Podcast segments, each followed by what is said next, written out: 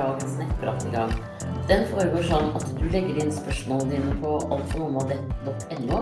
Da er jeg lagt inn i URL-en på siden her. Eh, og så leser jeg opp spørsmålene og gir svar fortløpende.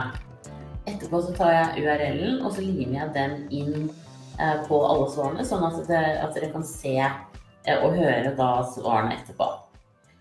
Da bare begynner vi. Da er det endelig gravid igjen som sier hei. Jeg har tidligere vært gravid og spontanabortert begge gangene. Tester går positiv igjen, så er da fire uker nå. Er redd for å miste igjen og lurer på om det er noen råd for at det kanskje kan gå bra denne gangen. Er i utgangspunktet veldig rolig av meg, men jobber på småbarnsavdeling i barnehage.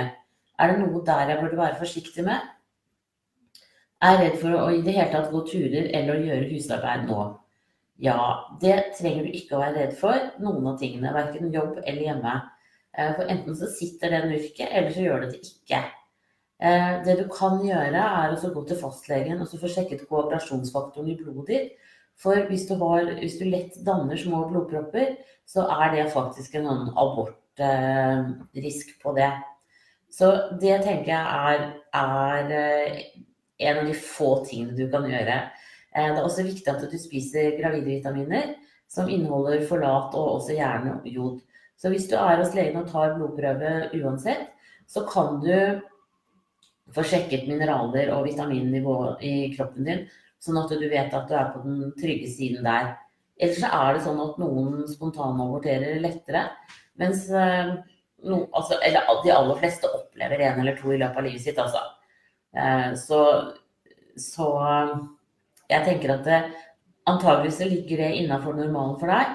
Men akkurat det med koagulasjonsfaktoren, det kan være litt kjekt å, å, vite litt om. Og da er det noe som heter Leidens eh, mutasjon, som er på en måte litt det man er ute etter. Og inne på Alt for mamma så ligger det en artikkel om det. Eh, så du kan søke det opp der. Da ønsker jeg deg riktig, riktig lykke til videre, og tusen takk for at du følger med her. Ha det bra! Og så er det gravid spørsmålstegn som sier Hei, Siri. Er det mulig å få positiv graviditetstest seks-syv dager etter eggløsning? Vi snakker en supersvak linje som bare kan sees i godt lys, he-he. Denne ventingen gjør meg gal. Vet at jeg bare må smøre meg med tålmodighet og prøve å teste igjen om et par dager. Men er det fysisk mulig at egget fester seg så tidlig? Ha en fin dag. Ja, det er det faktisk. Eh, egget kan feste seg to dager etter befruktning. Og hvis dere har hatt hyppig sex, så kan du også ha blitt gravid litt tidligere. For hyppig sex det påvirker eggløsningen. Så jeg tenker at eh, her er det meste mulig. Så hvis ikke du allerede har starta med gravide vitaminer, så gjør det nå. Eh, for det er, er veldig nyttig for Nurket og deg. Da krysser jeg fingrene og ønsker deg riktig, riktig lykke til videre. Ha det bra! Og så er det Kynner igjen som sier Hei, Siri.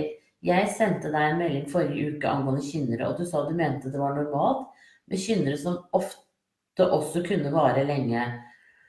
Forrige uke rotet det seg litt, men så kom kynnerne tilbake enda sterkere noen dager senere. Er 19 pluss 1, og de siste par dagene har jeg hatt masse kynnere på kvelden. Ofte med kun minutters mellomrom. Svigermor ble bekymret da vi var der, og jeg fikk kynnere med tre til fire minutter imellom. Skal sies at det gir seg når jeg legger meg i senga og har det sjelden på dagen. Det er ikke vondt, føles heller som alt fra sterke til milde menssmerter og magen blir stram. Skal sies at det har vært veldig mye stress i det siste. Jeg liker ikke å dra til legen, og neste jordmortime er ved 28 uker. Jeg bor i England, så ting er litt annerledes, og føles ikke like lett som ved første graviditet i Norge. Lurer derfor på om dette er normalt, eller om du kan si noe om når kynnere ikke er normalt, om det gir mening. Lurer også på en ting til. I det siste har jeg begynt å lekke urin når jeg er ute og går noen ganger. Skjer ikke hver gang, men noen ganger føler jeg at jeg ikke klarer å holde igjen når jeg er ute og går. Men om jeg setter meg, så må jeg ikke tisse lenger, om dette gir mening. Har også opplevd å lekke urin og føle at jeg holder på å sprekke. Men når jeg kommer meg på do, så kommer det nesten ingenting. Er dette vanlig? Skjer absolutt ikke hver gang jeg går, så kan det med, så kan det ha med stillingen til babyen å gjøre. Tusen takk for super side. Håper du får en fin dag. Ja, jeg tenker at det er eh, bekymringsverdig når du har såpass mye kinner og sånn. Men det jeg tenker nå, det er at det kan være en urinveisinfeksjon. For urinveisinfeksjoner de er annerledes når man er gravid enn ellers. Du får ikke de samme symptomene, eh, men det kan gi sterke kynnere og noen ganger også for tidlig fødsel. Så Derfor så syns jeg at du skal ta kontakt med legen din i dag, og så få levert en urinprøve, og eventuelt at den sendes til dyrkning. I tilfelle det er sånne bakterier som ikke syns på sånn umiddelbart, eller gir blod i urinen. Men særlig det du sier om at du på en måte plutselig må på do og sånn. Det er også sånn som hadde vært typisk hvis du hadde ikke vært gravid for en urinveisinfeksjon.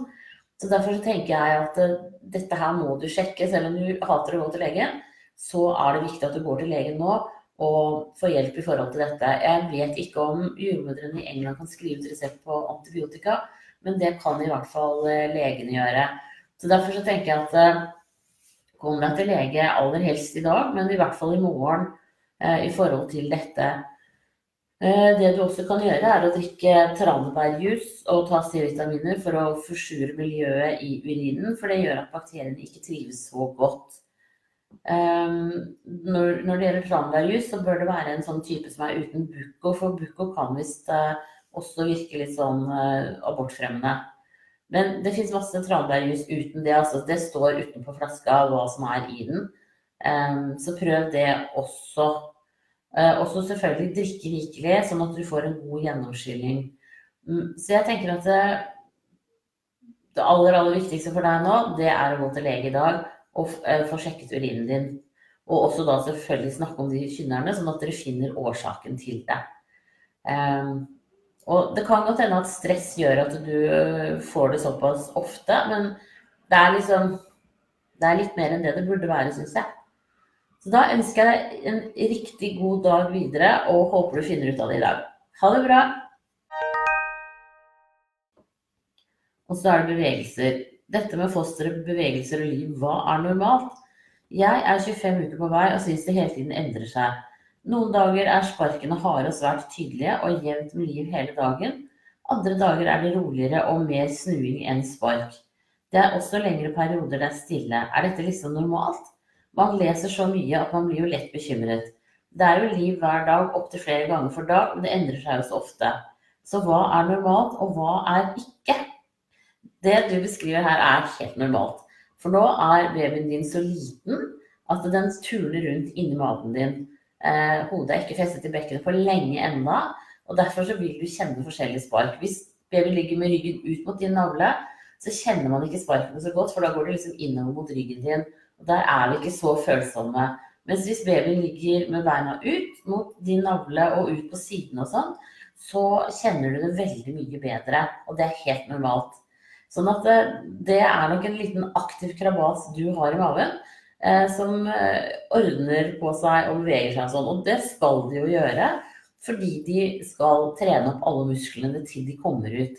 De bygger muskler akkurat sånn som livmoren din vokser og vokser og vokser nå. og og skal veie en kilo til termin, så ligger de små babyene inni magen og trener musklene sine. Sånn at de er eh, fit for fight når de kommer ut. Så eh, dette er helt normalt, selv om det er litt forvirrende. Um, og så først etter uke 32-33 så begynner babyene å legge seg med hodet ned, og det blir liksom mer sånn at du kan kjenne fra side til side. Uh, I hvert fall ikke plutselig oppe og plutselig nede. Uh, men, men, det vil du merke da, da blir det et helt annet mønster. Men akkurat det der at de åler seg litt, og de slår litt, og de sparker litt og sånn, helt normalt. Og så er det veldig sånn Nervesystemet deres er ikke modent ennå. Derfor så er det veldig rykk og napp, og, så sover de litt også. Så dette er helt normalt. Nyt det. Da ønsker jeg deg en riktig god dag videre, og tusen takk for at du følger med her. Ha det bra! Og så er det svangerskapspenger som sier hei, ønsker gjerne skriftlig svar. Jeg jobber som tannlege og lurer på om jeg burde søke om svangerskapspenger, og vil høre hva du tenker. Jeg har alle pasientgrupper, fra de minste til de eldste, og alt imellom der. En del av dem kan jo være utagerende. Det har hendt før at jeg har blitt sparket og slått. Men det har jo gått bra likevel. I tillegg jobber jeg med smittepasienter, men i teorien kan jo flere av pasientene være smittepasienter uten å ha oppgitt det til meg. Rutinene skal jo være gode, men om jeg skulle stikke meg på noe, kan jeg vel ikke få noen behandling mot smitte så lenge jeg er gravid. I tillegg kommer generell smittefare, og en del av midlene jeg jobber med, er nok ikke helt bra for Lille. Utenom dette har jeg også en times reisevei hver vei, om dette også har noe å si. Det er iallfall veldig stressende og utmattende. Jeg kjenner dette bekymrer meg, men det er for mitt yrke som søker om svangerskapspenger, og jeg er redd jeg kanskje får avslag og dermed blir sett ned på på jobben. Mm, jeg syns svangerskapspenger høres ut som en veldig god løsning for deg. Eh, så jeg skal, jeg skal svare deg skriftlig, men jeg skal også svare deg muntlig. Det jeg tenker da, det er at du tar kontakt med din leder og så snakker dere om det. Og alle store bedrifter skal, og i hvert fall alle IA-bedrifter, kommuner og fylker og sånn, skal ha tilknyttet bedriftshelsetjeneste hvor det er en jordmor eh, som kommer, og så har dere en trekantsamtale. Og Da kan dere snakke om tilrettelegging og hva du kan, hva du ikke kan gjøre. Eh, kanskje det finnes en helt annen jobb i eh, administrasjonen eller i fylket som, som, du kanskje kunne utført nå, som, hvor du ikke har pasientkontakt. Men der har din leder og også eh, jordmor en god oversikt på det. Og svangerskapspenger, når man søker om det, så varer jo det da helt frem til termin. Og det kan gjelde være gradert, eller det kan være 100% Så her er det mange muligheter. Det ligger en artikkel på Alt for mamma om dette også. Eh, men jeg skal svare deg skriftlig her. Mm, jeg, men jeg tenker at det derre det handler jo om psykiske og fysiske utfordringer. Det å være redd for å bli slått på jobben eh, hver dag, det er sånn som man i mye, mye større grad takler når man ikke er gravid, men man takler det ofte dårlig når man er gravid, for da er liksom instinkten at du skal beskytte deg fordi du skal beskytte barnet. Så her syns jeg svangerskapspenger er ypperlig. Og i noen yrker så er ikke det liksom på en måte kjent som et tiltak. Sånn som f.eks. i militæret. Nesten ingen som får tenke på å søke svangerskapspenger der. Men det burde de jo virkelig ha hatt, de som er offiserer og, og, er med på øvelser og sånn. Det er heller ikke så veldig bra for små nurk. Det er ikke sånn direkte farlig, men det kan være det. Da ønsker jeg deg riktig lykke til videre, og tusen takk for at du følger med her. Og så kommer jeg tilbake til deg. Ha det bra! Og så er det Maria som sier hei. Jeg har plutselig fått noe som ser ut som en pussfylt blemme på den ene brystvorten. Den er ganske vond, så får ikke klemt på den. Renser og smører med basimisin og bruker, bruker brystskjold så klær ikke kommer i nærheten. Jeg er i uke 39 og er redd for at fødsel og amming skal starte før dette gir seg. Er det noe du har hørt om før? Hva kan være årsaken til dette? Det er vanskelig å si, eh, men det er definitivt noe som skjer. Jeg har også hørt om det før. Eh, det som kanskje kunne vært lurt, var jo også å få tatt eh, en pussprøve av den. Så jeg syns du skal når, Du skal sikkert til lege eller jordmor nå en av de første i løpet av denne uka her. Fordi du er i uke 39. Og, så jeg tenker at eh, vis den frem da, og så hør med dem om du skal gjøre noe annet enn basemisin og brystskjold. Jeg syns jo det høres veldig riktig ut det du gjør, men det, noen ganger kan det være greit å teste bakteriene også. Så da tenker jeg at eh, hvis du ikke har en time hos legen denne uka her, så få en. Eh, og da like gjerne først, altså nå i begynnelsen av uka, sånn senere, siden du snart skal føde. Eh, jeg tenker at det er, at det, er det lureste nå. Eh, og hvis du begynner å føde før du får noe prøvesvar og sånn, så, så snakker du med dem om det på føden også. Men høyst sannsynlig så er det ikke noe som er farlig for babyen. Det er utrolig hva disse små nurkene tåler, men kjekt å vite hvis man kan finne ut av det. Da ønsker jeg deg riktig lykke til videre, og tusen takk for at du følger med her. Ha det bra! Og så er det Amanda som sier hei, gode, nyttige jordmor. Jeg lurer på mye rart. En, vi prøver så lenge at sex til slutt, før vi ble gravide, ble mekanisk og usexy.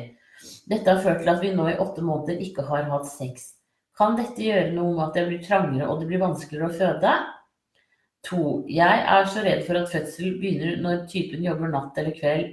Siden han jobber ambulerende, er han ofte ute på oppdrag og ikke kan ta telefonen. Ringer jeg noen i familien eller sykebil da? Tre. Svigers bor langt unna og forventer å bo hos oss når de kommer.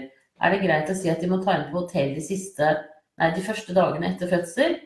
Trenger virkelig tid til å lande litt med bare baby og kjæresten min da, men har sagt til kjæresten at dette må han ta ansvar for å si fra om, noe han syns er vanskelig.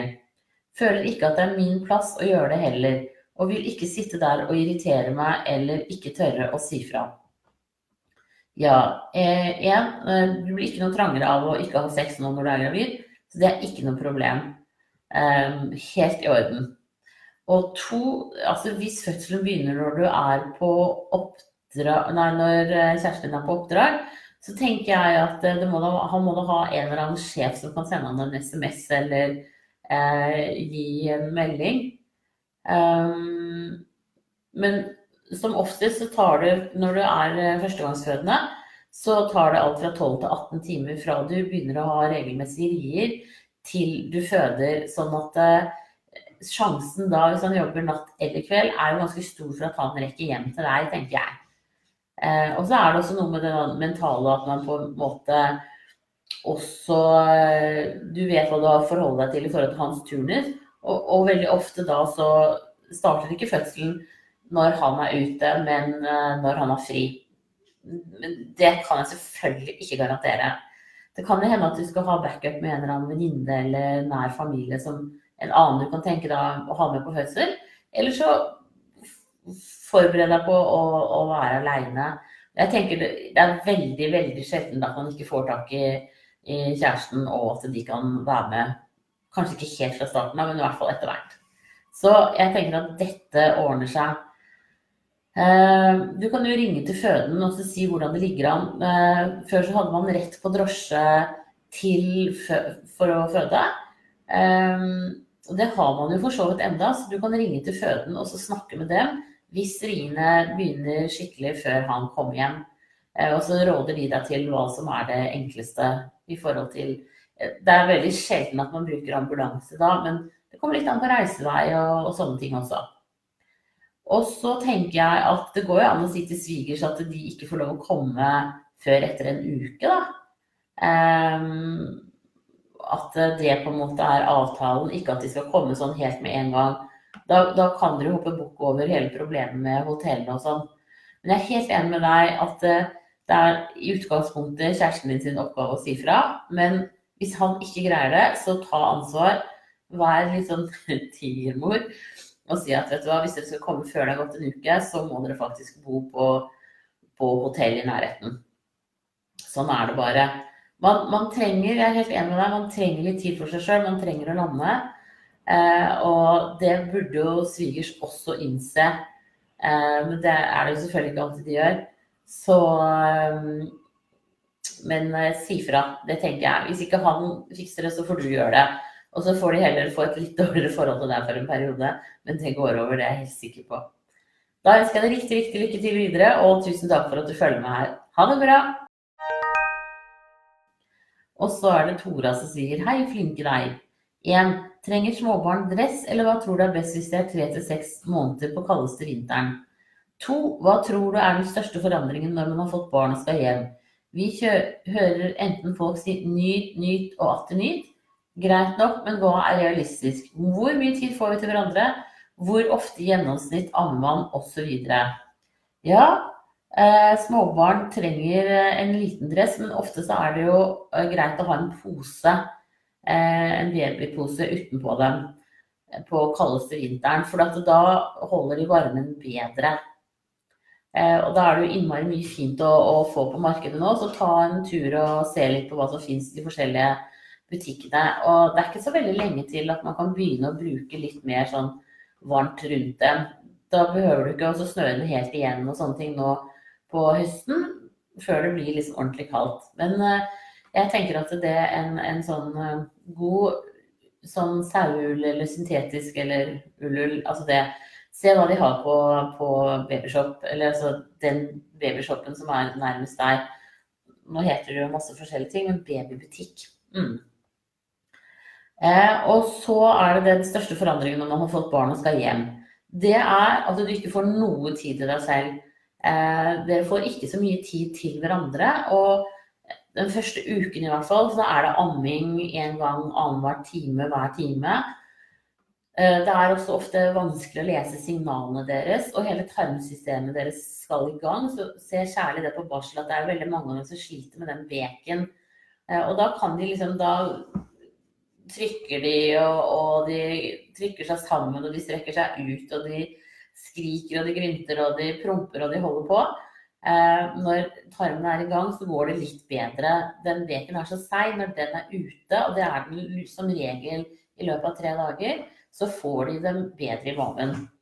Eh, har de fått navn på, på barsel, noe som de egentlig ikke skal ha, men som noen ganger blir gitt litt lett, så kan de også bli litt tregere i magen av det. Så kan man unngå det, så er det en kjempefordel. Eh, barn, de fleste normale babyer, er utstyrt for å klare seg selv de første tre Altså med den melken de får fra deg, da. Eh, de første tre døgnene. Eh, alle går noe ned i vekt, men det er normalt, for alt skal liksom klikkes i gang. Så de er, de er utstyrt med lagre som holder i tre dager. Um, og når det gjelder dette med tid til hverandre, så er det på en måte noe man heller ikke har i så veldig stor grad.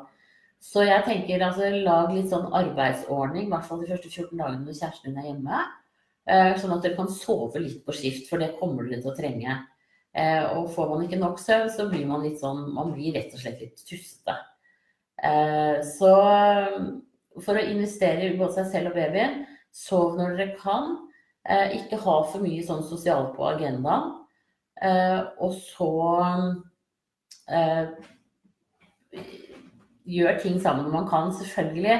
Men, men sov litt på skift, altså. Det, det, tror jeg kan være en god investering. Eh, og så går det seg smått og sent til, og så blir ammingen litt sjeldnere. Så går man kanskje mer over på hver tredje time. Én av tusen får et barn som sover eh, fire-fem timer i strekk om natten etter noen uker. Eh, de fleste gjør ikke det. Så det er amming. Og da er det veldig mange som har babyen i senga fordi at du skal slippe å stå opp og gjøre alt så mye styr ut av det. Eh, det er også lurt når de våkner om natten og ikke skifter bleie hvis de bare har tisset på seg. Har de avføring, så må du selvfølgelig skifte, men har de tisset på seg, så ikke skift. Fordi at de, tiss, de bæsjer mye lettere i en, tørr bleie, og det har med lukkerefleksen å gjøre. Sånn at det, det er derfor det funker med babysvømming, fordi at da er det vann mot endetarmen, og da bæsjer de ikke. Um, mens, og da gjelder det samme urin i bleia. Um, og så pass på å ikke skru på lyset hvis dere kan la være, og ikke plutt å snakke med dem og være hyggelig om natta. Om natta er det business, liksom. Da er det amming og ferdig. Og så kan man heller liksom pludre og være hyggelig på dagen. Du skal ikke være uhyggelig på natta, men ikke, ikke gi noe ekstra da, liksom. Eh, da er det en investering å få dem til å sove stadig lengre hver natt. Så, så, jeg tenker at det er sånn Men, men absolutt nyt den derre tiden også. Eh, og så går man jo inn i det som heter ammetåka, og det handler jo om at det er masse eh, Du utskiller oksytocin hver gang du ammer. Man utskiller oksytocin når man har hudkontakt. Eh, derfor så kommer også mennene litt sånn i ammetåka, for de koser jo med babyen, og dere koser litt med hverandre og sånn. Eh, og det gjør at man blir trøtt. Eh, og så mange opplever også det at de får veldig behov for å sove når de ammer. Og da kan det jo være greit når man kan det, altså ligge i senga og amme, og så bare rett og slett ta seg en lur sammen med babyen. Eh, bare pass på at babyen ikke, at ikke liksom dyna er trukket over hodet til babyen, men at babyen har frie luftveier. Så går det helt fint. Det er ikke noe problem i det hele tatt. Så noen, de første tre månedene, da vil babyen være veldig hos dere. Og så begynner de å, å, å liksom orientere seg litt mer utad. Men vær liksom forberedt på at dere går inn i bobla, og dere blir der i sånn ca. tre måneder. Eh, det er det realistiske. Jeg var på barsel i går, og vi snakket akkurat om det, de jeg jobbet sammen med. At det er liksom på en måte Det er det som er realismen i det. Um, ja. Men det er veldig hyggelig også, altså. Og det er helt fantastisk med et nytt lite nurk et helt nytt lite menneske som man skal bli kjent med, og som skal bli kjent med dere. Og, og sånn, og så kommer det da mye gøy sammen etter hvert. Da ønsker jeg deg riktig lykke til videre, og tusen takk for at du følger meg her. Ha det bra! Og så er det Sissel som sier Hva er de mest normale tegnene man må kjenne etter når fødselen er i gang? Er det kraftig vondt med en gang, eller tar den første tiden lang tid og er veldig overkommelige? Alltid sett for meg å føde i badekar, men har høyrisiko, så får ikke lov. Hva anbefaler du da? Finner ikke noe tilnærmet Um, skal vi se Ja, den stoppet midt i en setning der, tror jeg. Uh, de mest normale tegnene det er at, at um, kinnerne er tiltagende uh, over noen dager. At de blir sterkere og sterkere og kommer oftere og oftere. Men noen kan bare slukke rett på uh, sterke rier. Og hos noen går vannet, og så begynner riene. Så det er litt sånn forskjellige ting som skjer hos de forskjellige. Men som oftest så er det sånn at du får tid til å venne deg til at det liksom bygger seg sakte, men sikkert opp. Eh, og at man dermed liksom eh, tilvenner seg en økende smerte. At, eh, for da du, rekker du å utskille endorfiner, sånn at de virker også smertelindrende i kroppen din.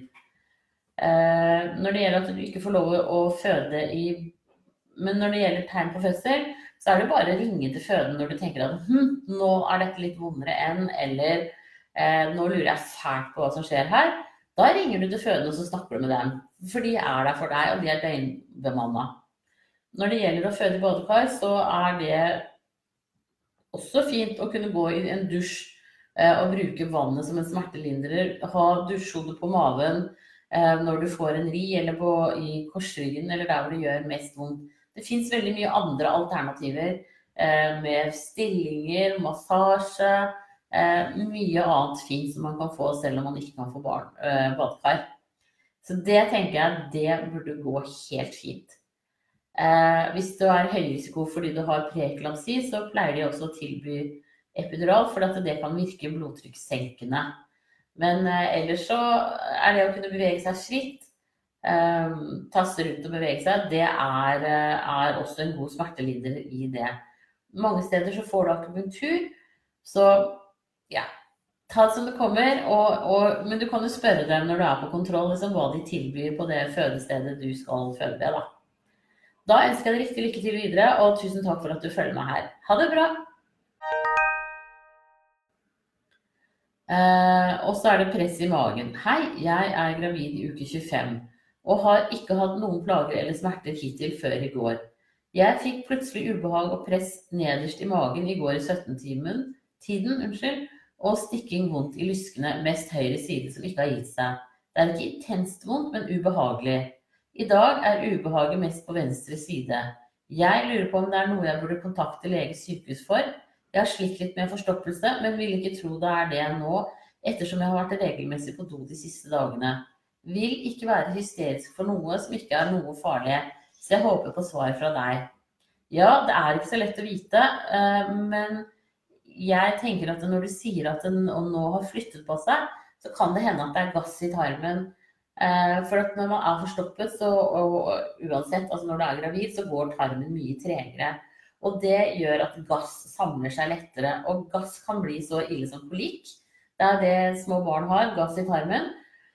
Så jeg tenker at, eh, at se om, om det på en måte gir seg videre. At det, om det flytter seg fra venstre side. Hvis det ikke blir noe bedre til i morgen, eller det blir verre, så skal du kontakte lege med en Altså blir det verre, så syns jeg du skal kontakte lege med en gang.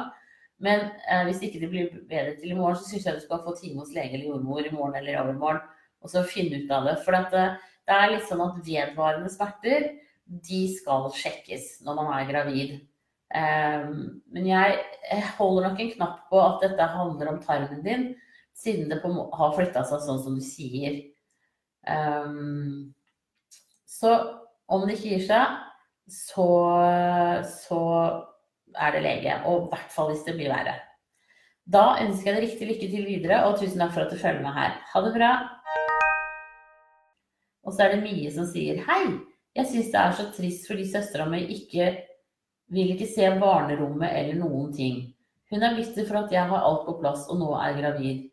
Jeg har vært der for henne i all den tid, men tør ikke å snakke om graviditeten hvis hun er der på familiemiddager, for det blir så ekkel stemning.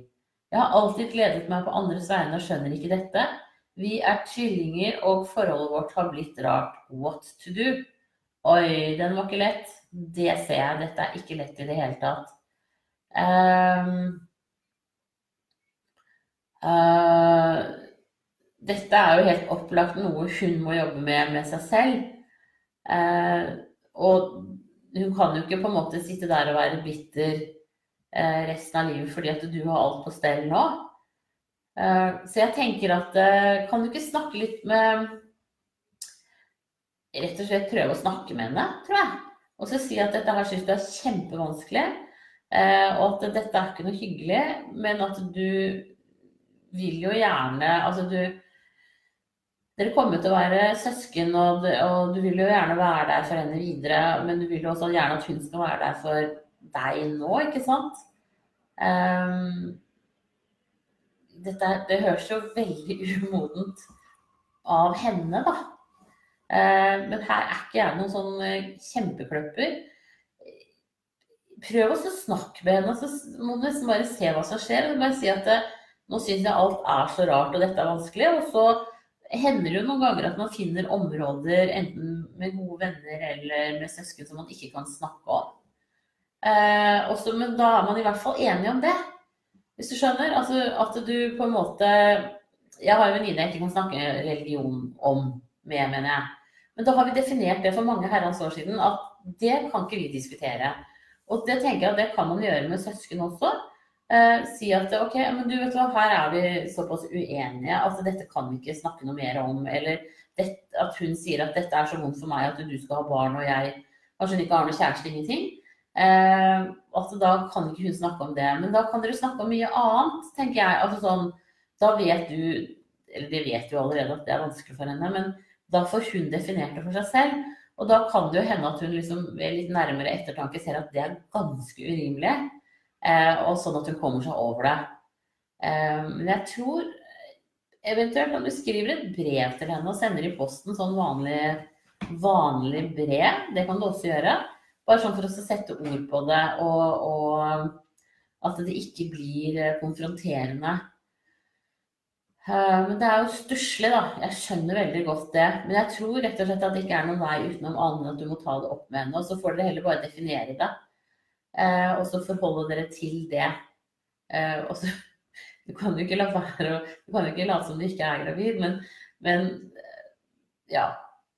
At det ligger der på en måte og ligger der som en sånn tung sky, det tenker jeg det er, det er fryktelig vanskelig. Og noen må stikke hull, på den byllen, og det kan se som at det er deg. Så se, prøv det. Sett deg ned, skriv litt. Prøv å og, og, sette ord på det. Og så eventuelt sende henne et brev, eller ta kontakt, og så har dere et møte, bare dere to sammen. Og så ehm, kom, Og forhåpentligvis så kommer dere litt over haket. Eh, eventuelt om du har noen som, kjenner, som er et klokt menneske som kjenner dere begge to, eh, som du kan diskutere det med. Det også kan jo være ålreit å få gjort. Jeg håper virkelig at dette ordner seg for deg, for det er ikke noe hyggelig å ha det sånn i det hele tatt. Eh, helt klart ikke. Så eh, sett litt inn på å prøve å få løst det. Da ønsker jeg deg riktig lykke til videre, og tusen takk for at du følger meg her. Ha det bra! Og så er det litt stress som sier Hei, Siri. Håper dette spørsmålet er greit å stille her, men beklager om det er litt på siden. Kjæresten til min svigerbror er 35 år, og for en uke siden så spurte hun meg når jeg mente hun måtte begynne prøvingen på å få barn. De har vært sammen i fem år, men svigerbror er ikke klar for barn ennå. Men hun er veldig klar.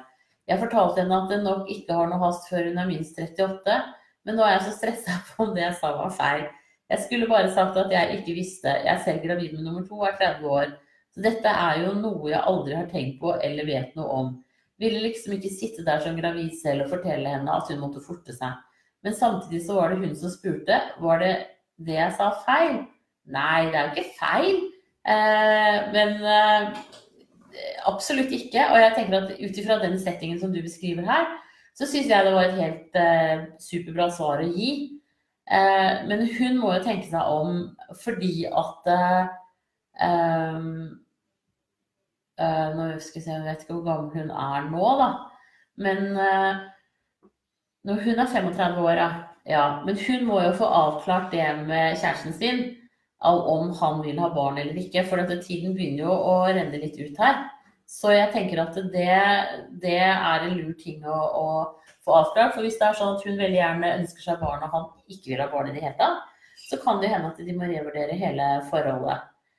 Eh, men ut ifra settingen din og hva du sa og sånn, så tenker jeg at det er eh, helt innafor og helt riktig det du sa der.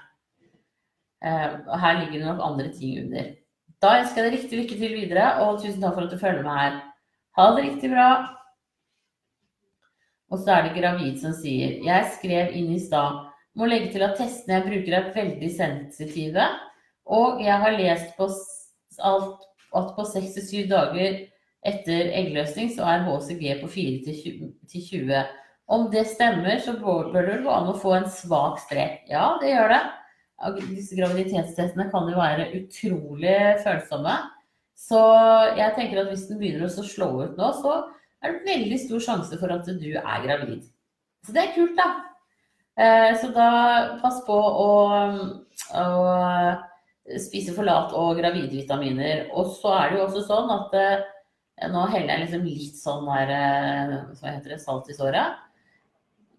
Men de fleste abortene skjer rundt uke fire. Sånn at hvis Eh, det skulle gå galt, så, så, er det på en måte kan du si, forbannelsen til det at graviditetstestene slår ut så tidlig. Samtidig på den andre siden at hvis den graviditetstesten slår ut allerede nå, så er nok det fordi du har en veldig god produksjon av HCG. Og det også er et tegn på at det kan være en, veldig, en, en litt sterk graviditet, da, hvis man kan si det sånn. Så her er det bare å krysse fingrene og, og begynne å glede seg bitte, bitte, bitte litt. Da ønsker jeg riktig lykke til videre, og tusen takk for at du følger med her. Ha det bra! Og så er det hodeleie som sier har vært på tidlig ultralyd to ganger, og begge gangene lå babyen med hodet nedover. Er dette normalt? Blir den ikke dårlig av alt blodet som faller ned i hodet da? Både i uke 11 og uke 12. Eh, nei, inni, altså inni livmoren så er det en litt mer sånn vektløs tilstand. Eh, og eh, om de ligger opp, ned eller bak, frem. Altså det har ingenting å si for babyen. Eh, så det er ikke noe å bekymre seg for i det hele tatt. Det er nok helt tilfeldig. Eh, og ellers så turner den nok rundt ganske mye, tenker jeg. Da ønsker jeg deg riktig lykke til videre, og tusen takk for at du følger meg her. Ha det bra! Og så er det Anonym som sier Hei, jeg har et spørsmål angående uteblitt mens og negativ graviditetstest. Jeg har hatt en stabil syklus på 28 dager i snart ett år. Vi har vært prøvere siden april i år. Pga. fjerning av syste og en eggstokk for åtte måneder siden var jeg hos gynekolog 8.8 for å se at alt var bra. Han tok ultralyd og kunne se at jeg hadde hatt eggløsning denne gangen. Jeg har brukt en kalender til å holde styr på mens og eggløsning, og denne gangen er jeg seks dager forsinket med mens. Har tatt flere ulike tester, og alle er negative. Har hatt flere tegn til graviditet, som kvalme, trøtt, vondt i korsryggen, oppblåst forstoppelse osv. Bør jeg kontakte lege, eller hvor lenge skal jeg holde på med testing på egen hånd? Har du noen tips og råd eventuelt? Ja, nei, Dette er jo litt spennende, da. Jeg tenker at du kan vente noen dager til, og så teste deg på morgenurin. Um, kanskje vente så mye som en uke. Uh, det beste tegnet på at du kan være gravid, er jo at du ikke får mensen. Så jeg er litt sånn der uh, ja, altså disse graviditetstestene er jo på en måte veldig følsomme. Samtidig så forteller de jo ikke alltid hele sannheten. Så ja. Stol på kroppen din. Du kjenner du har graviditetstegn, og du har uh, ikke fått mensen, så tenker jeg det er jo i seg selv veldig positivt, da. Så uh, vent kanskje en uke til før du tester deg på morgenurin. Og så får vi bare krysse fingrene. Da ønsker jeg deg riktig, riktig lykke til videre, og tusen takk for at du følger meg her nå. Ha det riktig bra. Da var det ikke noen flere spørsmål nå. Eh, nettpraten er åpen i et kvarter til, så hvis det kommer flere spørsmål, så svarer jeg skriftlig på de. Men ellers så er jeg tilbake igjen på fredag, tenker jeg. Må dere ha en riktig, riktig strålende uke i mellomtiden. Og tusen takk for at dere følger meg både her og Følg meg gjerne på, på SoundCloud og iTunes på podkast Jon Chili. Og på uh, Alt for mamma på YouTube. Ha det bra!